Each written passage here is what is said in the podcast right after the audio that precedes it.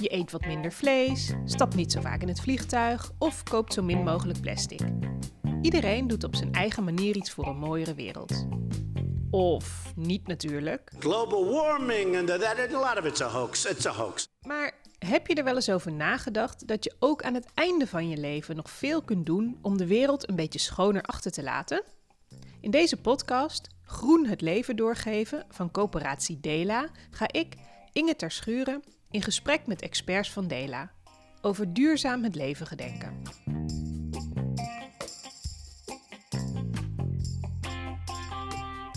In deze aflevering praat ik met Twan van Veldhoven. Hij weet alles over cremeren, over begraven en over resomeren. Maar eerst stelt hij zich even aan je voor. Ja, ik eh, geef eigenlijk een afdeling eh, die, eh, die zich bezighoudt met de ondersteuning van, van onze lijnorganisatie. Dat wil zeggen dat ik het gebouwbeheer, facilitair beheer, commercieel beheer, dus meer de ondersteunende taken om ervoor te zorgen dat onze mensen in het veld hun werk kunnen doen. En wat is jouw affiniteit met duurzaamheid? duurzaamheid is natuurlijk een belangrijk thema voor iedereen. dus ook voor mij als Nederlander, consument, medewerker van Delen. Ehm, we hebben te maken met milieu wat, uh, wat onder druk staat. We moeten keuzes maken om uh, in de toekomst uh, de aarde leefbaar te houden. en dat geldt ook voor domein uitvaartverzorging. waar je keuzes kunt maken die duurzamer zijn dan die we misschien gewend waren in het verleden. En als je niet aan het werk bent, ga je dan wel eens een wandelingetje maken op een natuurbegraafplaats? Ik ga wel wandelingetjes maken, maar niet heel snel op natuurbegraafplaatsen. En daarnaast, nou, ik, ik rijd een elektrische auto. Dat is misschien ook wel heel interessant. Die laat ik op met mijn eigen zonnepanelen, grotendeels. Dus ik uh, maak zelf ook wel keuzes die met duurzaamheid te maken hebben. Uh, we hebben op straat aan uh, een aantal mensen gevraagd wat voor idee zij hebben bij natuurbegraven. Laten we er even naar gaan luisteren. Iets wat nu heel populair is, is natuurbegraven. Ben je wel eens op een natuurbegraafplaats geweest?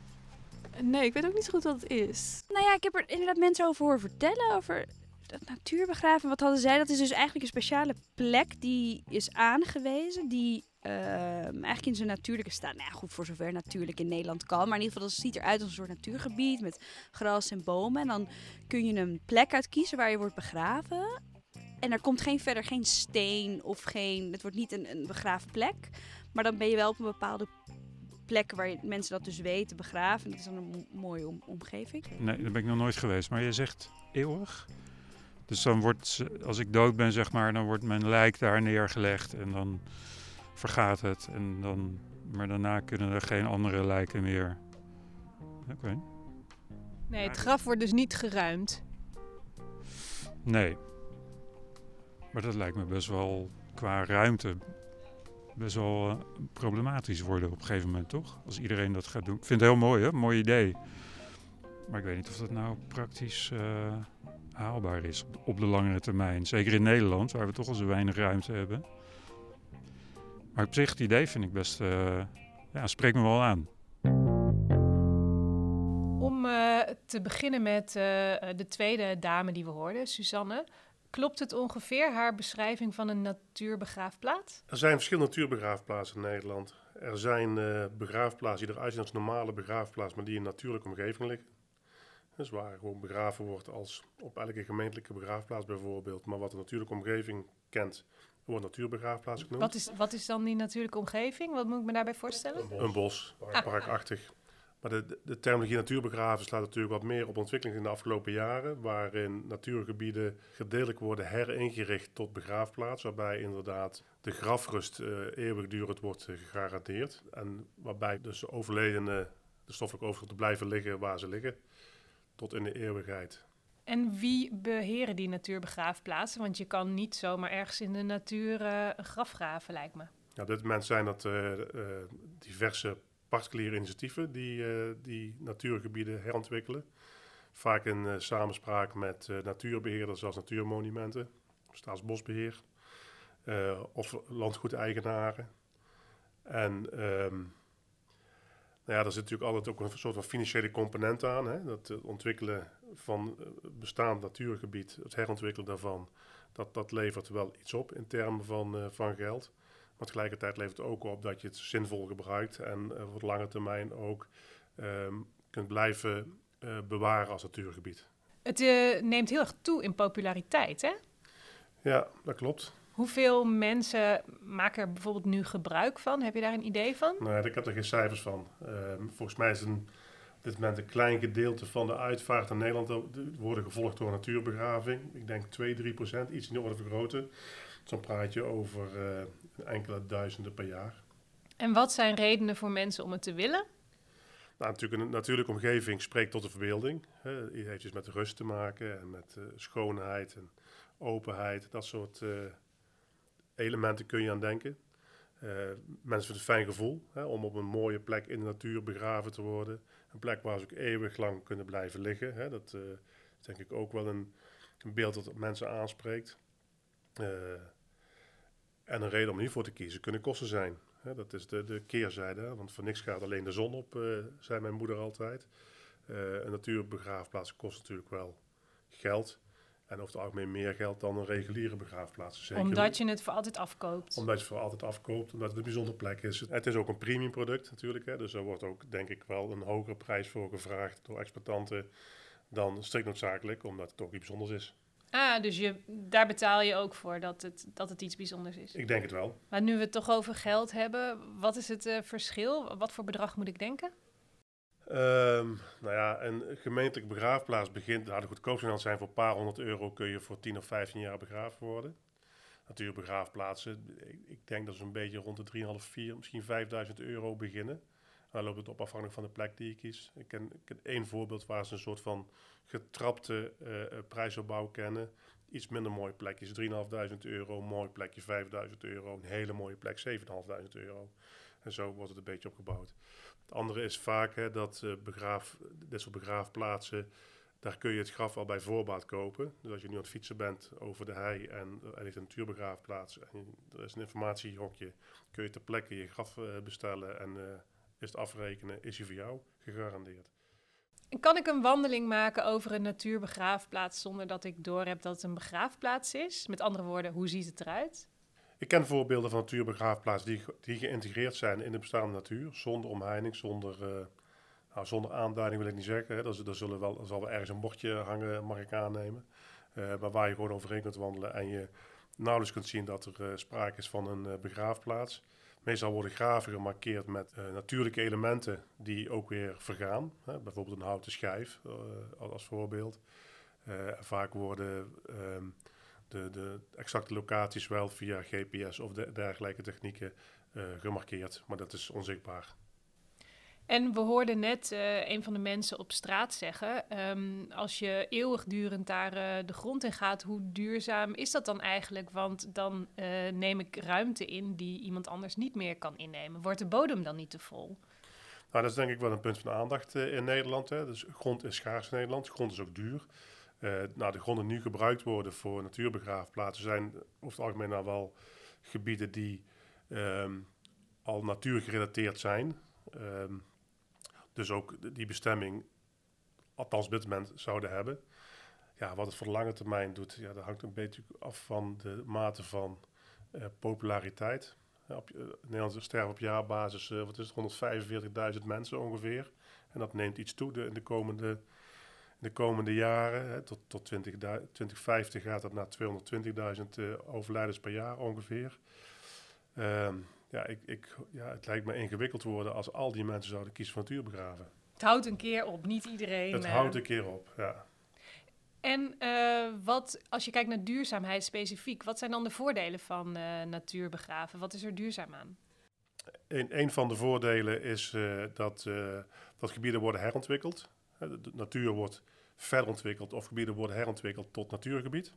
Ehm, dat, dat, dat, heeft, dat is ontegenzeggelijk eh, voordeel. Ehm, Dus dat betekent dat die gebieden eerst geen natuurgebied waren en doordat het een begraafplaats wordt, krijgen ze een soort van beschermde status? Hoe moet ik dat zien? dat, dat komt voor, hè, eh, met name aan de rand van natuurgebieden, waarbij zeg maar, eh, eh, zeg maar, voormalige landbouwgebieden overlopen in natuurgebieden. De- zijn landbouwgronden worden aangekocht om natuurbegraafplaats van te maken in combinatie met het bestaande natuurgebied wat er eh, nabij gelegen is. Ehm, een ander voordeel is dat natuurbegraafplaatsen Die eh, stellen nog strengere eisen aan wat je in de grond stopt dan een reguliere begraafplaats. Dat is al best streng, want je mag niet meer zomaar alles in de grond eh, stoppen, gelukkig. Maar bij natuurbegraafplaatsen wordt er, worden extra eh, eisen aangesteld. Sommige zelfs eh, alleen een lijkwaarde in plaats van eh, een kist. De grafmonumenten die je op een reguliere begraafplaats vaak eh, ziet, daarvoor worden stenen gebruikt ehm, waarvan de productie ook niet heel duurzaam is, toch? Dat zijn vaak harde natuurstenen die van ver moeten komen. Die hebben een behoorlijke weg over de wereld afgelegd. China, India, Afrika. Ik weet niet of er altijd voldoende toezicht op is. In welke mate eh, die stenen milieuvriendelijk worden gewonnen. Ik hoorde dat in de islamitische gemeenschap nu eh, populair is, klopt dat? De islamitische gemeenschap eh, hecht erg veel waarde aan een eeuwigdurige grafrust. En dat is een van de redenen waarom heel veel islamitische mensen van de eerste, tweede generatie in Nederland nu gerepatrieerd worden naar het land van herkomst na overlijden, om daar eeuwigdurend begraven te worden. Ehm, nou, we zien ehm, afgelopen jaar rondom corona, hè, met het over, hè, waar- waarin islamitische mensen niet naar een land van herkomst terug konden eh, er meer behoefte is ontstaan aan begraafplaatsen in Nederland. Er is er eentje in Drenthe ontwikkeld eh, in Zuid-Laren. Ehm, maar die is afgelopen jaar bijna helemaal volgelopen door, eh, door het aantal overlijdens. En ik las toevallig onlangs in de krant dat er een groot aantal gemeentes zijn waar aanvragen lopen van islamitische organisaties voor begraafruimte met eeuwigdurende grafrust. Oké, dus het is echt nu eh, door corona eigenlijk extra in de ontwikkeling. Ja.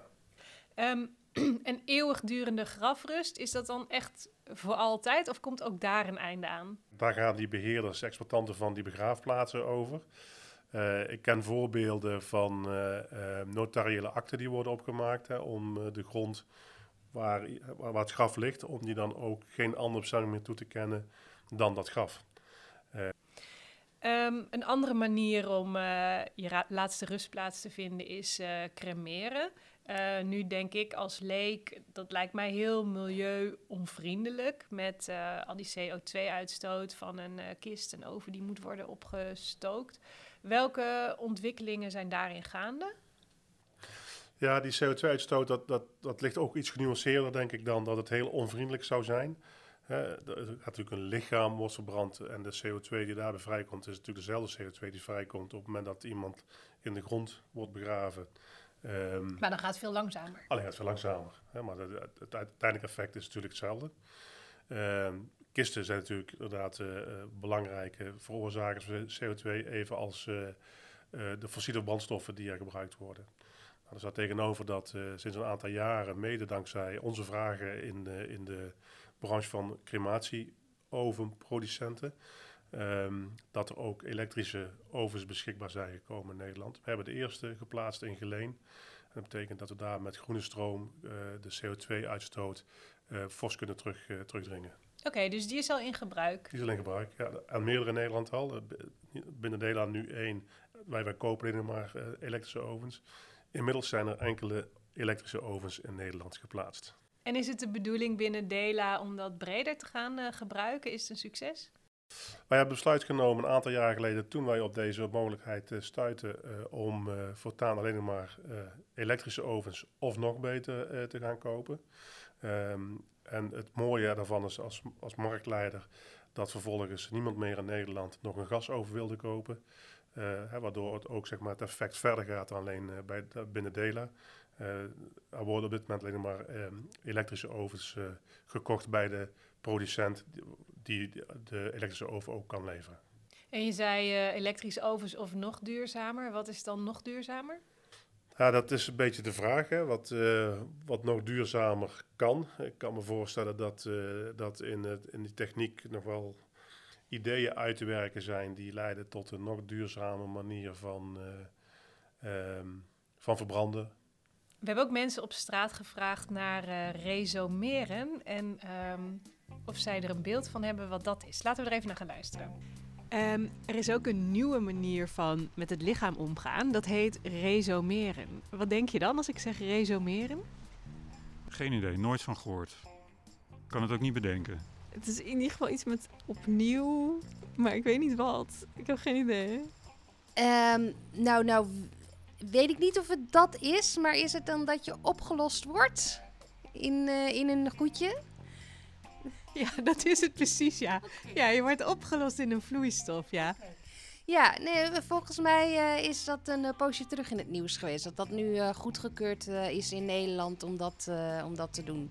Oplossen of zo is toch een beetje zo'n enge gedachte. Eh, daar, heb- daar, daarmee heb ik toch meer de associatie met een moordenaar die een lijk oplost. Nou ja, ik, ik wilde vroeger eigenlijk altijd gecremeerd worden, want ik vond het gewoon een eng idee dat je zeg maar in een kist ergens onder de grond lag.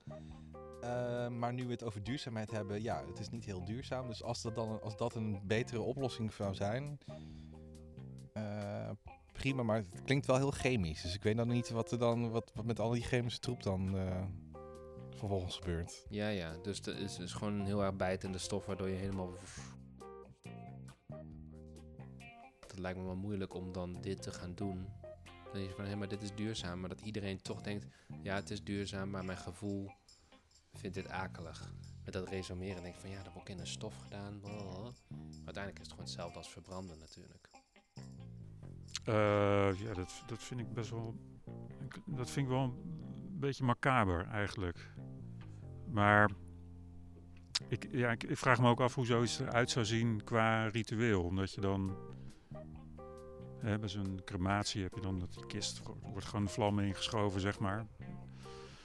Maar ik kan me niet voorstellen dat je dan ziet hoe een lijk de eh, vloeistof in eh, ge- gegooid wordt. Dus ja, nee, daar kan ik me niet zo heel veel bij voorstellen. En als je daar bijvoorbeeld voor je dierbaren voor zou kunnen kiezen, eh, uit duurzaamheidsoverwegingen, zou je, zou je dat kunnen doen, denk je? Ja, maar ik vind het daarin dus wel heel erg belangrijk dat je dat gesprek ook wel aangaat met, met je dierbaren. Dus eh, met mijn ouders heb ik het dan ook wel over gehad. Nou ja, mijn moeder die zegt dan eh, de fik erin.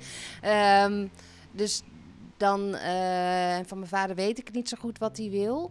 Ehm, dus we moeten het er ook nog eens over hebben. Maar kijk, als zij aangeven van nou, doe, doe wat, wat jou eh, goed lijkt en ehm, ja, wat op het moment kan, dan eh, lijkt me dat ook een prima oplossing.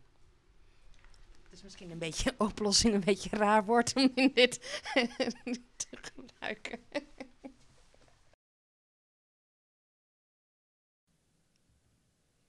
Ja, veel verschillende reacties, wat ik me heel goed kan voorstellen. Ehm, eerst maar eens even beginnen bij het begin. Resumeren, oplossen in vloeistof, klopt dat? Dat klopt. Ehm, er is een eh, techniek die, eh, die je gebruik maakt van eh, een alkalische oplossing. Ehm, met, een, met een hoge pH-waarde, temperatuur en druk. Waardoor ehm, een lichaam in feite oplost in die, in die vloeistof. En er blijven dan wat broze botresten blijven over die je kunt drogen en vermalen en als asbestemming kunt meegeven of kunt verstrooien.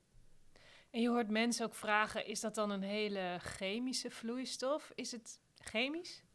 Nou, alkalisch, pH-waarde klinkt, eh, klinkt als eh, chemisch. Hè? Dat, eh, dat, het is een chemisch proces. En is, wat gebeurt er met die vloeistof? Ja, dat is interessant. Die, eh, ehm, die vloeistof die heeft een, eh, een, een hogere pH-waarde dan neutraal. En dat zou je natuurlijk wel graag willen. Hè? Daarnaast zit er in die vloeistof is, zit opgelost menselijk weefsel in een of andere vorm. Ehm, en ik moet eerlijk zeggen dat ik nog niet goed heb begrepen wat eh, de oplossing zou zijn om met die oplossing om te gaan. En dat... eh, ehm, dat Het is een soort van kernafval, toch? Het is, nou, zo zou ik niet willen zeggen. Nou, heftig, zo zou ik niet willen zeggen. Kijk, dat, het is in ieder geval iets wat heel voedselrijk is. Hè? Dus je zou het kunnen gebruiken als meststof. Oké. Ehm, maar de vraag is, is er al niet genoeg mest? Hè? Met alle koetjes en eh, andere dieren die eh, voor mest zorgen. Maar het is niet Ehm. schadelijk, het is alleen zuur, maar het is niet schadelijk als je Het het is een gooit. het is niet zuur, het, het is een basis. Eh, een hoge pH-waarde leidt tot een basenoplossing. Oh, Lage pH-waarde is zuur. scheikunde, ja. Ja, het is ook, niet- ook niet mijn vak hoor.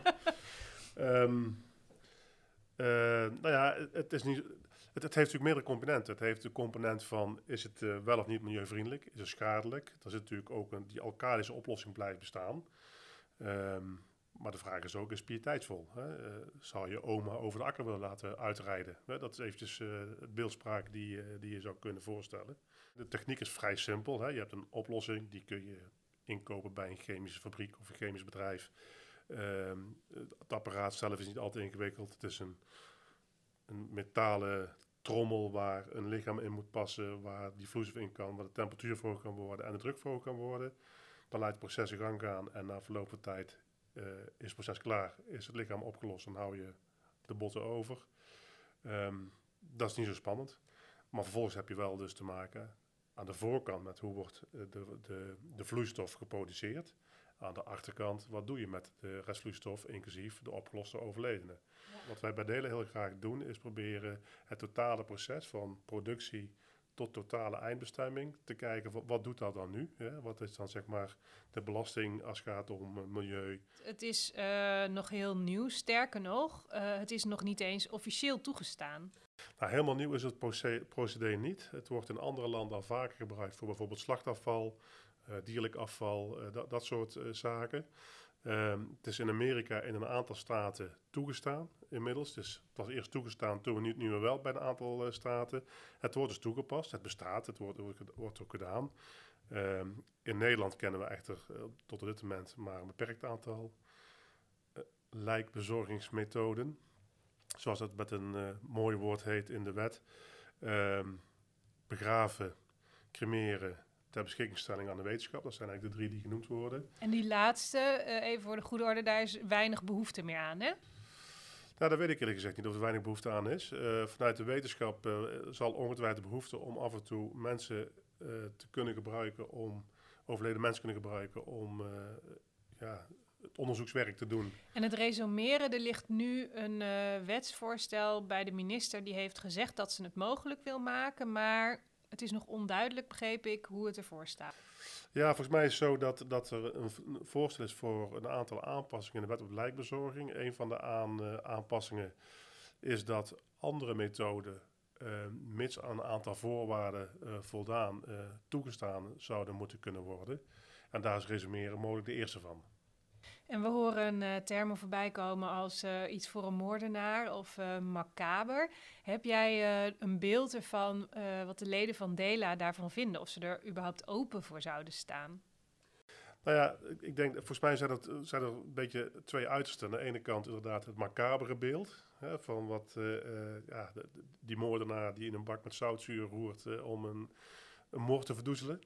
Uh, aan de andere kant heb ik ook mensen horen zeggen: Goh, uh, vlammen vind ik toch iets hards. Water voelt toch meer zacht en wat meer organisch, uh, beter bij me passen. En, dan, en alle meningen ertussenin. Hè. Dus het, het, zal ook een beetje afhankelijk zijn van, van de mensen zelf, van individuele mensen, hoe ze hier tegenaan kijken of kunnen of willen kijken. Um, en wat ik al eerder zei, en wat ook een rol kan spelen, is dat. Um, kosten natuurlijk altijd wel een, een element zijn, uh, element is waar mensen naar willen kijken op het moment ze keuzes maken. Hè. Dus duurzaam ja, maar het mag niet heel veel duurder worden. En is dit duur? Um, daar heb ik nog geen cijfers van gezien. En uh, als we het specifiek hebben over duurzaamheid, wat is er uh, we hadden het net al even over die vloeistof die chemisch is, waar een oplossing uh, voor moet komen. Maar uh, wat is er wel duurzaam aan resumeren? De claim die wordt gedaan door producenten of potentiële gebruikers van resumeren als techniek, is dat bij het proces zelf geen CO2 vrijkomt. De, de moleculaire ontbinding vindt plaats zonder dat er CO2 vrijkomt. Van het lichaam zelf? Van het lichaam zelf. Ah. Althans, die, die, die, die, die komt natuurlijk al vrij. Alleen die blijft dan in de vloeistof of die hecht zich aan andere elementen waardoor geen CO2 wordt gevormd.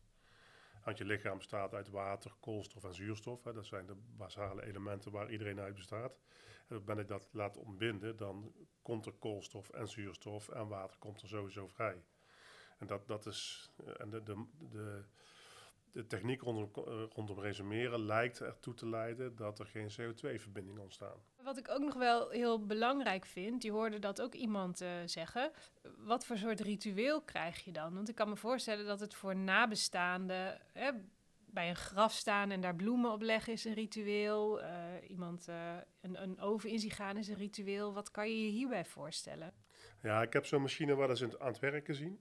Ehm, en eh, ja, in feite kun je natuurlijk ehm, het invoeren van een overledene een vergelijkbaar ritueel van maken als het invoeren van een overledene in een gangbare crematieoven. De resten die overblijven zijn vergelijkbaar met as. Het is een andere samenstelling, maar vergelijkbaar met as. Dus ik denk qua rituelen dat het niet per se anders hoeft te zijn.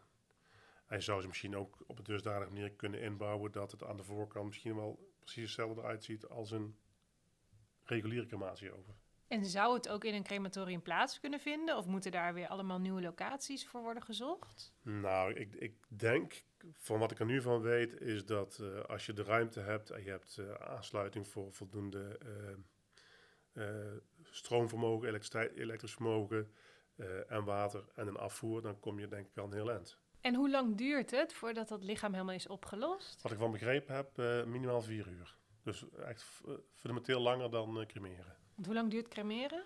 Uur, anderhalf uur, uur, drie kwartier misschien. Anderhalf uur, dus, gemiddeld, gemiddeld is een crematie na anderhalf uur echt klaar. En op welke termijn verwacht je dat dat resumeren ook eh, toegepast gaat worden? Nou, in Nederland hangt het natuurlijk heel erg af van de snelheid waarmee de wet op lijkbezorging wordt aangepast. Dat zal, die zal aangeboden moeten worden aan de Tweede Kamer. Ik neem aan dat het demis- demissionaire ka- kabinet dat niet meer gaat doen. Of een demissionaire minister. Eh, dus er zal een nieuwe regeerperiode aan de orde komen. Eh, en dat is voor mij even de vraag eh, of er belangrijkere dossiers denkbaar zijn dan de wet lijkbezorging die behandeld moeten worden. Twee jaar, drie jaar, iets in die orde van grootte. In de tussentijd denk ik dat er technisch wel een aantal vraagstukken zijn. Hè? Onder meer hè, het, rest, restvloeistof, wat je daarmee kunt doen om het op een nette, en duurzame en pieteitsvolle wijze te verwerken. Dat antwoord moet ook nog wel even gemaakt worden. En je had het net eh, over de wet op lijkbezorging, zoals het dan heet. eh, dat er gekeken wordt naar eh, andere manieren dan alleen maar begraven of cremeren, zoals resumeren. Zijn er nog andere innovatieve mogelijkheden die in de toekomst misschien mogelijk worden, die ook duurzaam zijn? Ja, ongetwijfeld. Eentje eh, heb ik laatst al wat van gelezen. In Amerika is iemand bezig met het versneld composteren. Een techniek waarbij je versneld composteert in eh, een aantal weken. Dat zou interessant kunnen zijn. Tot slot, we hebben nu eh, allerlei mogelijkheden gehoord. Natuur begraven, cremeren, al dan niet in een elektrische oven, resumeren. Als ik zou moeten kiezen, als ik tegen jou zou zeggen... ik wil een zo duurzaam mogelijke manier van lijkbezorging... eh, waar zou ik dan voor moeten kiezen? Op dit moment eh, zou ik kiezen voor een crematie in een elektrische oven. Oké, dankjewel. Alsjeblieft.